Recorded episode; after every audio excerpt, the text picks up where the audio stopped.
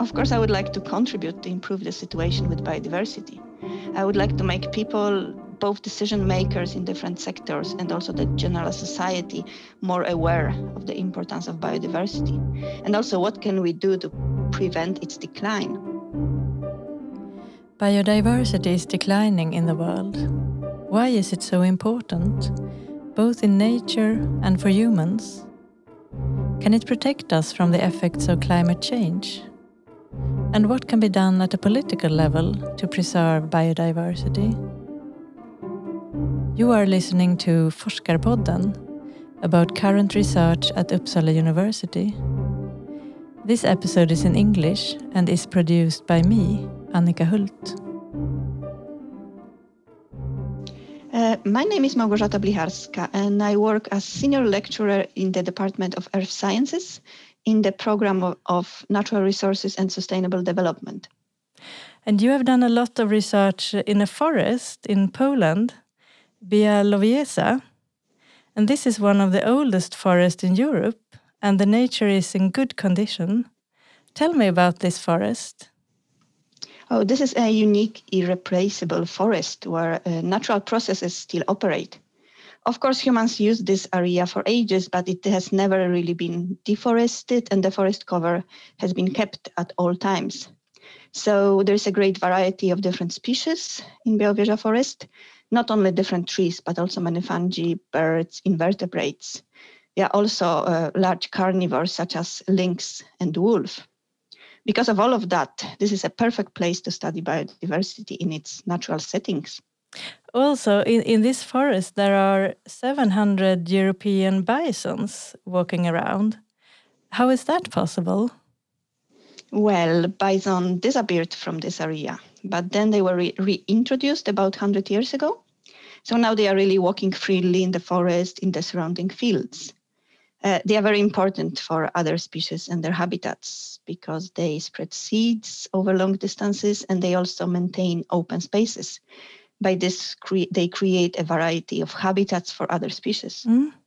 You can really say that this reintroduction of bison is a success story. It really shows that we humans can reverse the negative things we have done to nature. Yeah. And why is biodiversity important in the forest? Well, the more species, the more stable and resilient the ecosystem is. Mm. The more complex, the more resilient against uh, environmental pressures. If we have many species, so for example, if, if one of the species disappears, the other can take over its function. This is particularly important now in relation to climate change that will put more and more pressure on different species, for example, leading to droughts in some areas.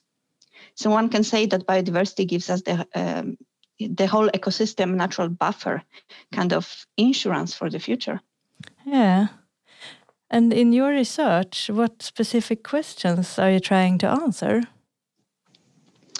Uh, in my research, I'm focusing on social and political aspects of biodiversity conservation. So, uh, particularly, how it happens that different policies about biodiversity and other environmental issues, how they get implemented uh, there are always many factors at play. It is not that we have a policy and then it gets implemented in practice easily.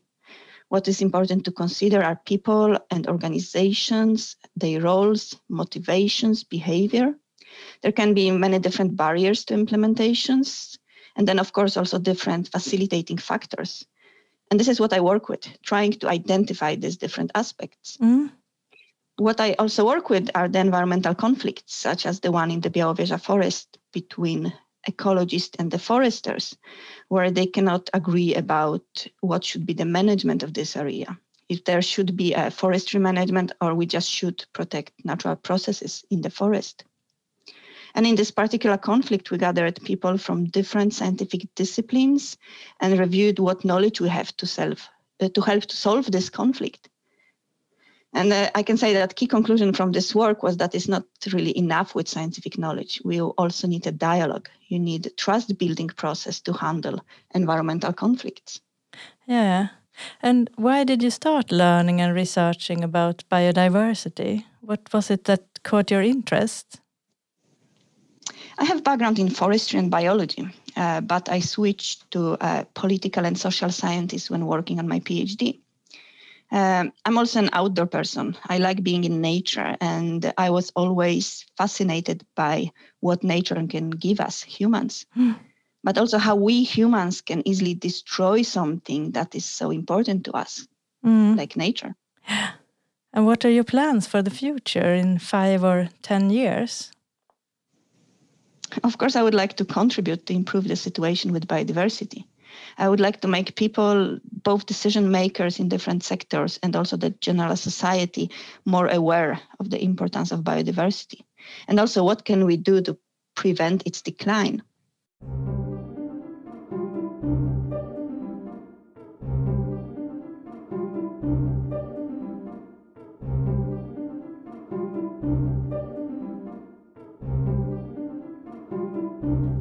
And biodiversity is not only important for the species living in the forest, but also for humans. Can you give me some examples? Many people do not know how important natural environments are for our health. Being in nature reduces our stress and allows us to recover mentally. The more diverse, more complex natural environmental uh, natural environments are, this effect is larger. Um, another example is that, for example, children that live in cities with many green areas have less often problems with asthma, mm. simply because we have uh, more uh, trees that can clean the air.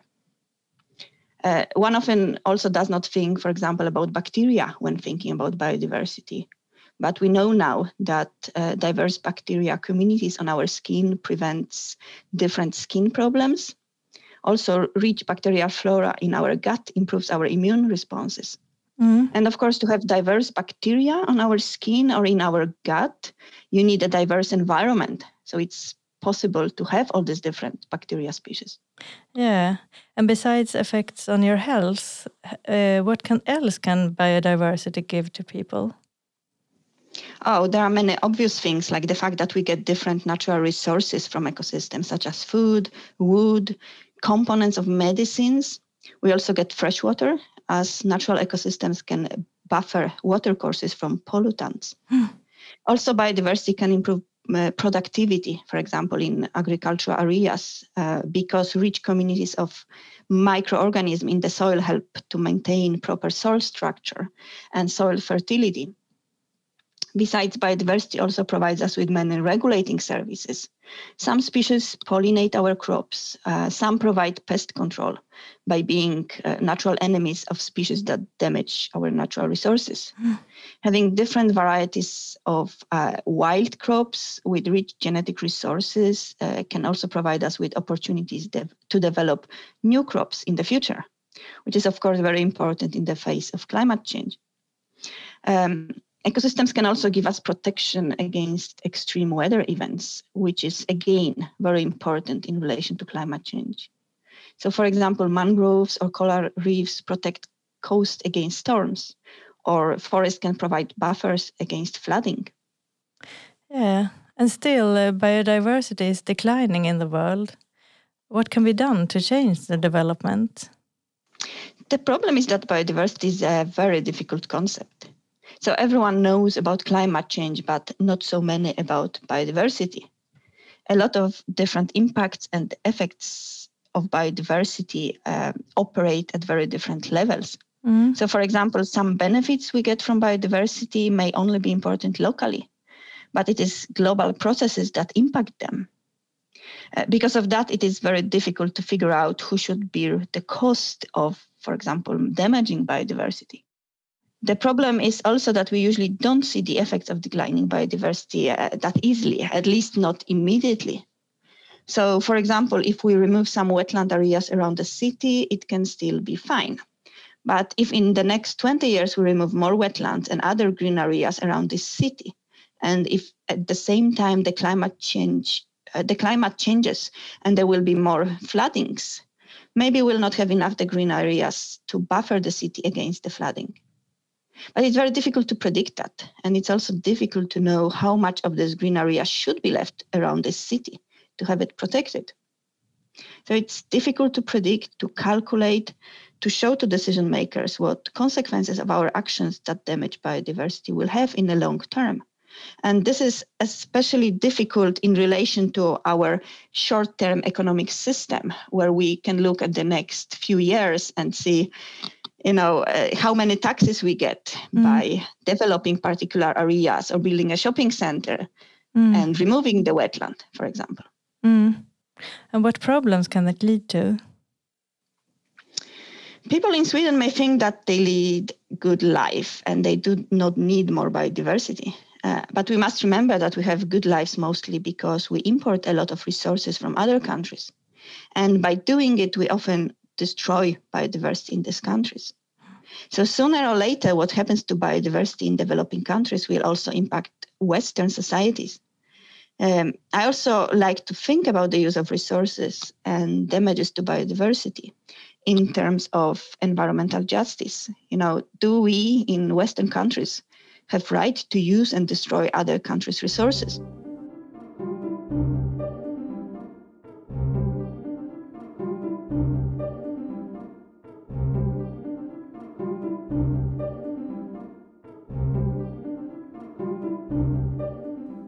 And what can be done to preserve the biodiversity on a political level?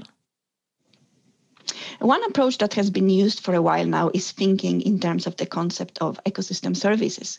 So, different contributions that nature gives to humans. Uh, recently, the IPBES, so the Intergovernmental Science Policy Platform on Biodiversity and Ecosystem Services, have also introduced a concept of nature contribution to people, which is closely related to the concept of ecosystem services and is uh, kind of being mainstreamed now in the global policy agenda when it comes to biodiversity conservation. Uh, so there has been a lot of political effort recent years to include considerations for ecosystem services in different societal decisions. So, for example, in spatial planning, development decisions, and so on, uh, to provide better argument for biodiversity preservation and to make people aware of its importance. Yeah, and uh, what are your thoughts about the future in nature and in society when it comes to biodiversity? Is it too late to do something about this? I'm trying not to be pessimistic, and I still believe that we will learn from our mistakes. Not only because we humans are a very wise species, but also because we simply have no choice but to work alongside nature. Yeah, that's true. It has been very interesting to talk to you, and thank you. And uh, good luck with your work. Thank you. You have listened to Forskarpodden with the researcher Malgorzata Blicharska. Follow us at Podbean, iTunes, Spotify, or other podcast readers. Welcome to contact us in social media at hashtag Forskarpodden or at the university website uu.se slash forskarpodden. My name is Annika Hult and Forskarpodden is produced by Uppsala University with music by Marcus Sjöblom.